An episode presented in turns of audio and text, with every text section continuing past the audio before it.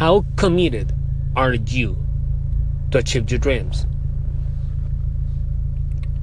That's a good question because depending on the answer, I have to tell you something. And I don't know if you have experienced before, but I'm not trying to figure out why what I'm going to tell you happens, but I just want to create awareness. I want you to be aware of this in the case that you are not. And I have had experience with this and I have been aware of this. And now I'm more aware than ever before. Every time that you're committed to do something or to achieve your dream or to do some job that will put you on the right track to achieve your goals, something happens. And I have found out that every time that you're more committed, the more committed you are, the more temptations you'll find on your path. I don't know how, I don't know why it's happening, but I don't know if you have tried this before or you have experienced this before. Every time that something goes like good or let's say perfect, and suddenly something comes out that throw everything to the garbage. Have you experienced situations like that? I'm not trying to reflect on, okay, this is happening because for whatever reason, uh, rational or, or supernatural reason. I just want you to be aware of this situation because it happens. It happens in real life.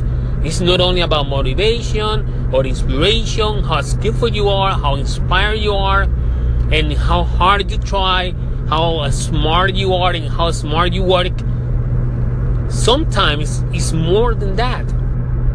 To achieve our goals, go beyond all this stuff about motivation, inspiration, skill, knowledge. You have to battle. Remember, I always argue it's not about only building, it's about battling.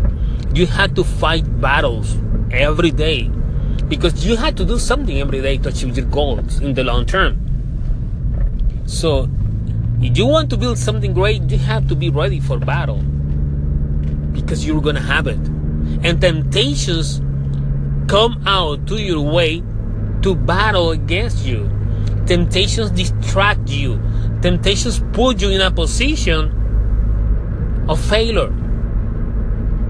You can fail if you distract yourself from your goals and you fall into temptations. And I'm not saying don't take temptations or don't embrace temptation. I really think that we as human beings we are more tempted to fall in temptations, in sins, and do something that is forbidden. But you know what? Be aware of this. You can battle the temptation or you can embrace it. You can embrace and move forward. You can live it. But remember, if you take your time out of the things you had to do and invest that time into your temptation, you will fall short and you won't get where you want to be. That's the reality.